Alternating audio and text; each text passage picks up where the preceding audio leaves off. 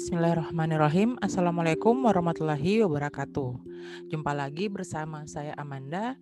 Uh, setelah beberapa waktu saya vakum mengupload video, pada kesempatan kali ini saya akan membawakan uh, topik yang sangat dinanti dan ditunggu oleh mahasiswa yaitu tentang metode penelitian. Ya, jadi di sini secara khusus pada video-video selanjutnya saya akan menjelaskan tentang metode penelitian kuantitatif. Tapi pada kesempatan kali ini saya akan membahas tentang metode penelitian secara umum. Ya, kita akan mulai dengan uh, perspektif metode penelitian.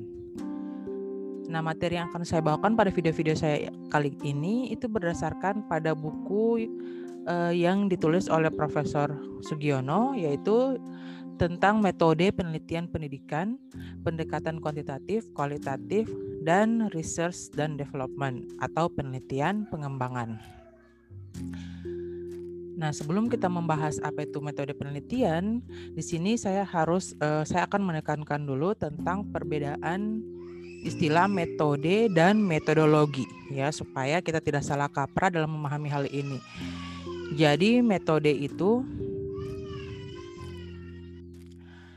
Jadi dalam uh, Kamus Besar Bahasa Indonesia, metode itu diartikan sebagai cara teratur yang digunakan untuk melaksanakan sesuatu. Ya, jadi kalau misalnya kita mau uh, belajar, cara-cara yang kita lakukan untuk belajar itu disebut sebagai metode belajar.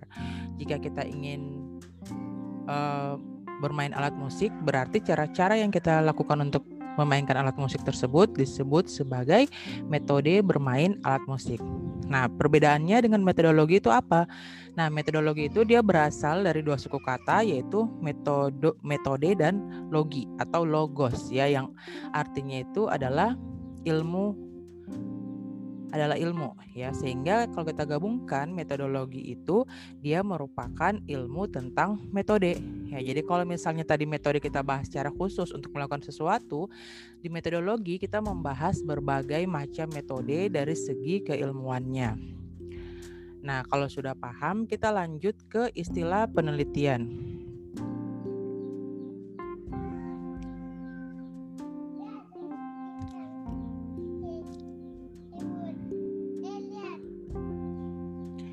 Nah, jadi penelitian ini dia berasal dari istilah bahasa Inggris research ya atau melihat kembali.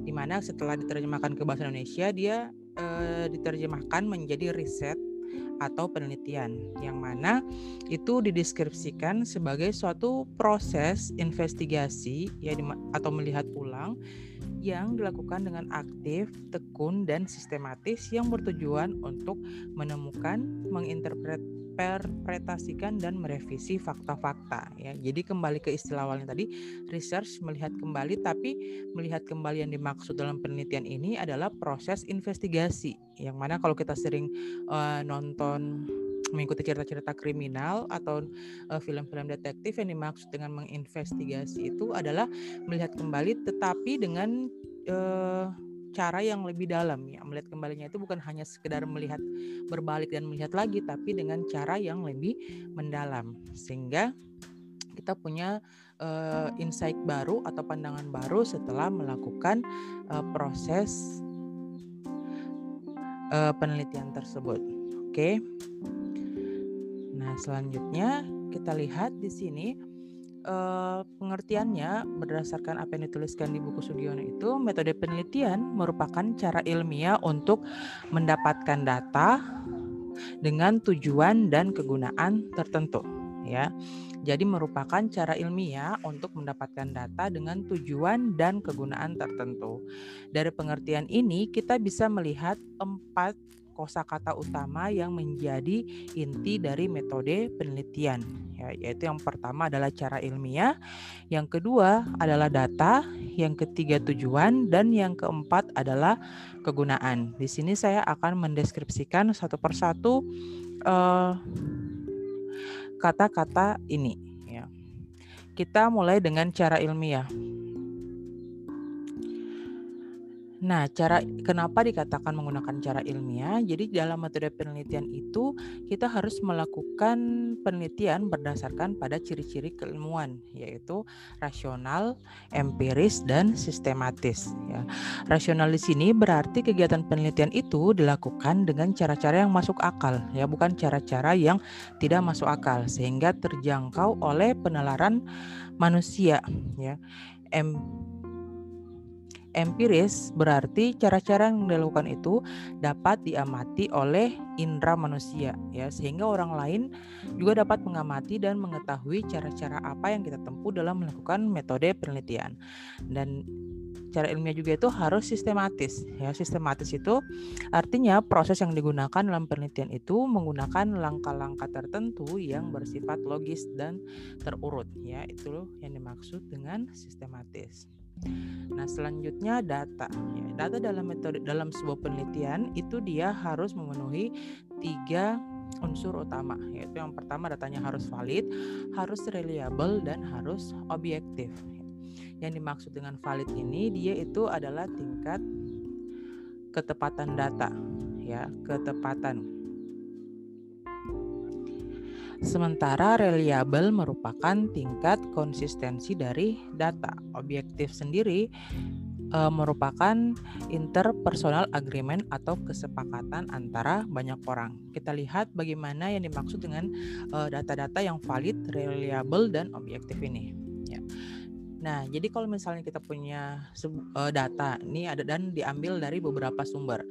Terus sumber pertama itu datanya adalah uh, rata-rata nilai matematika siswa SMP pada kota A adalah 90. Sementara sumber yang kedua itu mengatakan rata-ratanya 90,5, sumber yang ketiga mengatakan uh, datanya adalah 89,9. Nah, di sini meskipun dia tidak tepat sama tapi dia sangat uh, hampir identik ya, hampir identik di sini 90, 90,5 dan 89,9. Kita bisa melihat secara kasat mata kalau uh, nilai rata-rata matematikanya itu adalah mendekati uh, eh, 90 atau adalah 90 ya. Da dengan data yang dari sumber yang berbeda ini mengatakan data yang tepat atau yang hampir sama ini, maka kita bisa katakan data yang kita peroleh itu dialah data yang valid ya. Sebaliknya kalau misalnya dari tiga sumber yang berbeda dengan pertanyaan yang sama diperoleh data yang uh, perbedaannya cukup signifikan. Misalnya di sini sumber pertama mengatakan nilai rata-rata matematikanya 80, terus sumber yang kedua mengatakan nilai matematikanya 100, sementara yang ketiga mengatakan 50, yang mana perbedaannya terlihat sangat besar, itu berarti dikatakan datanya dia tidak tepat ya atau tidak valid ya. Nah, selanjutnya kita melihat untuk uh, reliabilitas dan objektivitas. Jadi yang dimaksud dengan reliable itu derajat konsisten konsistensi data atau tingkat konsistensi data dalam interval waktu tertentu. Ya, jadi dia ini diambil dari sumber data yang sama tapi dengan waktu yang berbeda-beda. Sementara kalau objektif itu merupakan kesepakatan antar banyak orang. Nah, kita lihat contoh untuk uh, konsistensi data tadi, misalnya ini satu sumber ya, tapi diambil dengan waktu yang berbeda-beda. Ini di sini waktunya bukan uh, hari ini, besok dan lusa. Itu uh, harinya itu ada rentang-rentang waktu tertentu nah, untuk melihat bagaimana apakah datanya konsisten atau tidak. Misalnya si sumber satu ini pada hari pertama dia mengatakan rata-rata uh, nilai matematikanya siswa itu adalah 80 Hari kedua dia juga mengatakan 80 dan hari yang berikutnya lagi yang kita mengambil itu dia tetap mengatakan 80. Nah, karena semua uh, data atau perkataannya itu tetap ya konsisten, berarti dikatakan data yang kita peroleh itu uh, bahwa rata-rata nilai matematikanya 80 itu adalah data yang reliable ya.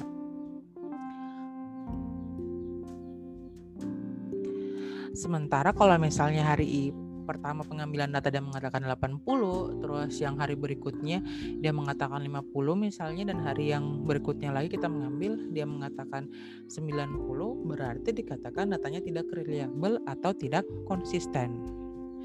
Nah, selanjutnya objektivitas. Jadi objektivitas di sini itu merupakan kesepakatan ya. Jadi karena merupakan kesepakatan berarti itu dia tidak dipengaruhi oleh kebenaran atau kesalahan data ya. Misalnya untuk uh, sumber satu itu dia mengatakan bahwa siswa SMP di kota A memiliki kemampuan yang lemah dalam mata pelajaran matematika. Terus sumber dua dia mengatakan juga hal yang sama ya yang persis sama. Dan sumber yang ke 100 misalnya dia juga mengatakan data bahwa di kota A ini uh, siswa SMP-nya memiliki kemampuan yang lemah dalam matematika. Jadi datanya itu hampir sama untuk banyak sumber ya, untuk berbagai sumber. Ini jika ada kesepakatan seperti ini berarti kita katakan kalau datanya objektif ya meskipun pada kenyataannya siswa SMP di kota A memiliki kemampuan yang baik dalam mata pelajaran matematika ya. Jadi di sini sekali lagi objektivitas itu tidak bergantung pada kebenaran atau kesalahan data. Yang dia itu merupakan kesepakatan antara orang banyak atau kesepakatan dari sumber data.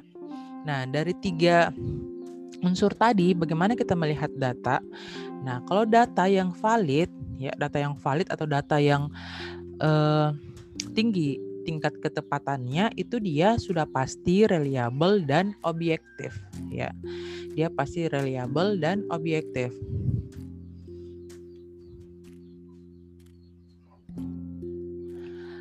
Sementara itu tidak berlaku sebaliknya ya. Kalau misalnya data yang reliable dan data yang objektif itu dia belum tentu valid. Eh, sebagaimana yang kita lihat tadi, kalau misalnya data yang objektif dan dia itu tidak benar, berarti dia tidak valid. Ya, begitu juga kalau data yang reliable.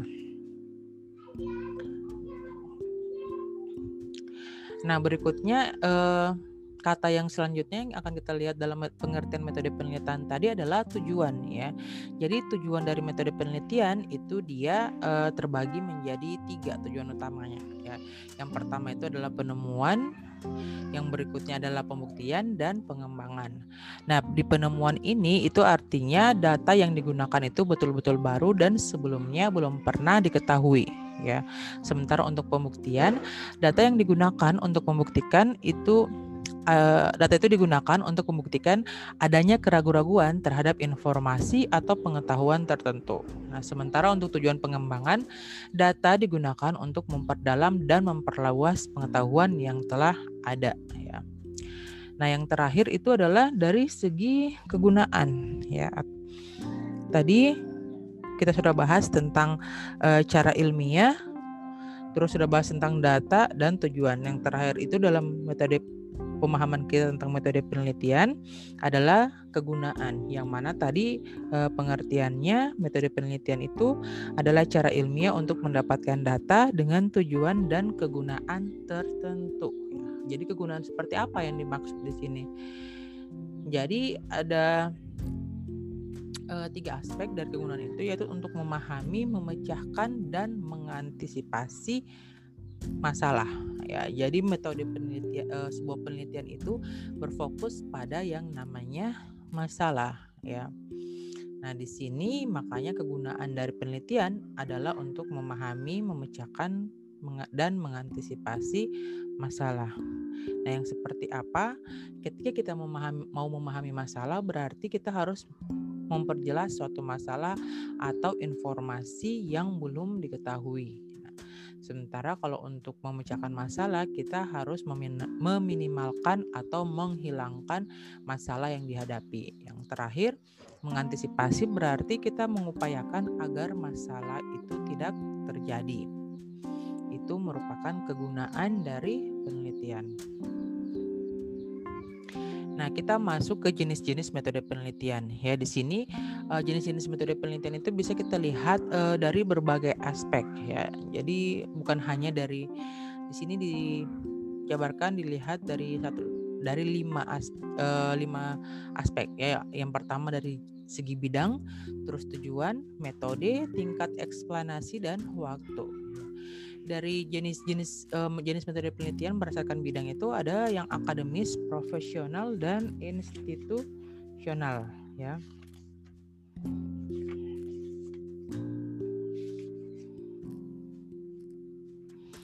Yang mana kalau yang akademik itu sama seperti yang uh, akan dilakukan oleh mahasiswa, yaitu ada penelitian S1 uh, dalam tingkat sarjana, magister ataupun doktoral ya. Sementara kalau misalnya yang profesional itu adalah penelitian yang dilakukan oleh orang-orang yang memang berprofesi sebagai peneliti ya. Dan yang terakhir juga ada institusional yang mana penelitian ini yang dilakukan oleh uh, sesuai dengan kebutuhan suatu institusi, institusi atau suatu lembaga tertentu. Terus dari segi tujuannya itu ada penelitian murni atau penelitian dasar yang biasa juga dikenal dengan basic basic research dan ada uh, penelitian terapan ya atau applied research.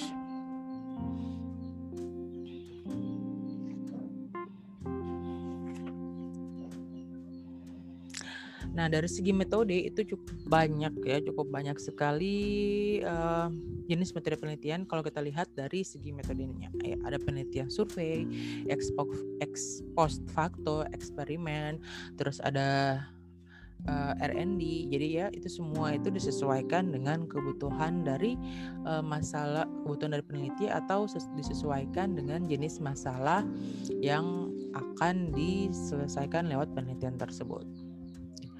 Terus berdasarkan tingkat eksplanasinya juga dibedakan menjadi ada penelitian deskriptif, terus ada penelitian komparatif ya. Jadi deskriptif tadi untuk tujuannya itu untuk menjelaskan suatu sesuatu ya Terus ada komparatif yang tujuannya itu untuk membandingkan dua hal atau lebih.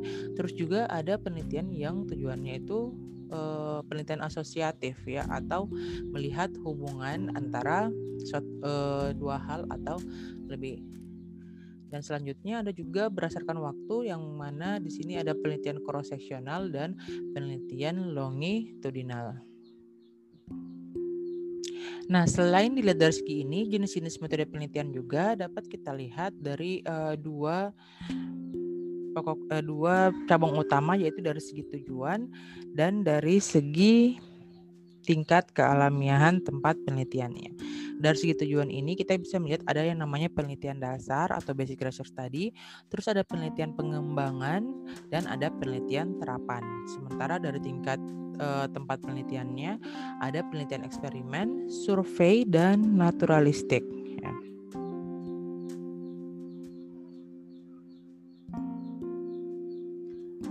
Nah, di sini untuk dari segi tujuan tadi uh, penelitian dasar, pengembangan dan terapan itu dapat kita pandang dalam uh, dari dalam satu garis lurus ya. Yang mana di sini penelitian dasar itu bertujuan untuk mengembangkan teori dan tidak memperhatikan kegunaan langsung yang bersifat praktis ya. Yang mana penelitian dasar ini umumnya dilakukan di laboratorium yang kondisinya terkontrol dengan tepat. Nah, sementara kalau penelitian terapan itu dilakukan dengan tujuan menerapkan menguji dan mengevaluasi kemampuan suatu teori yang diterapkan dalam memecahkan masalah-masalah praktis. Nah, jadi kalau dengan kata lain kita bisa mengatakan kalau penelitian dasar itu dia e, berkenaan dengan penemuan dan pengembangan suatu ilmu, sementara penelitian terapan dia untuk mengaplikasikan e, ilmu tersebut ya. Nah, di mana letak e, research and development atau penelitian pengembangan ini? Dia itu merupakan metode yang mana eh, digunakan untuk mengembangkan atau memvalidasi produk-produk yang digunakan dalam eh, suatu pembelajaran atau pendidikan ya. Nah, dengan kata lain di sini menurut Borg and Gall pen, penelitian pengembangan ini dia menjadi jembatan antara penelitian dasar dan penelitian terapan. Makanya dia di sini terletak di tengah ya. Dia merupakan jembatan antara penelitian dasar dan penelitian terapan.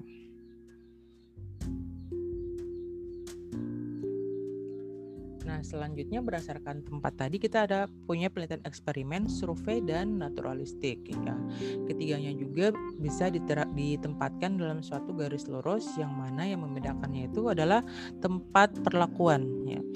E, untuk eksperimen dia itu tempatnya biasanya dilakukan di lab atau di suatu wilayah tertentu, di suatu ruangan tertentu dan ada perlakuan Sementara kalau survei dia itu tempatnya alamiah ya atau misalnya eh, tempatnya itu tidak dibuat, tidak dikondisikan secara tertentu dan tetap ada perlakuan.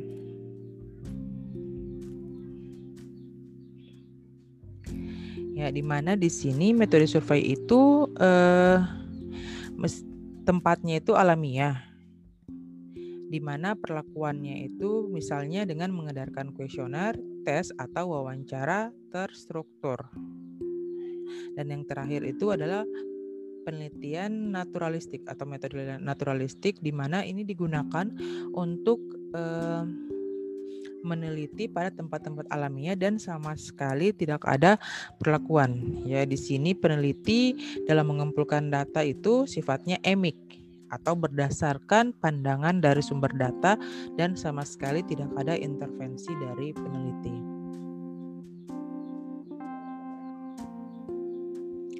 Oke, nah demikianlah tadi uh, penjelasan saya tentang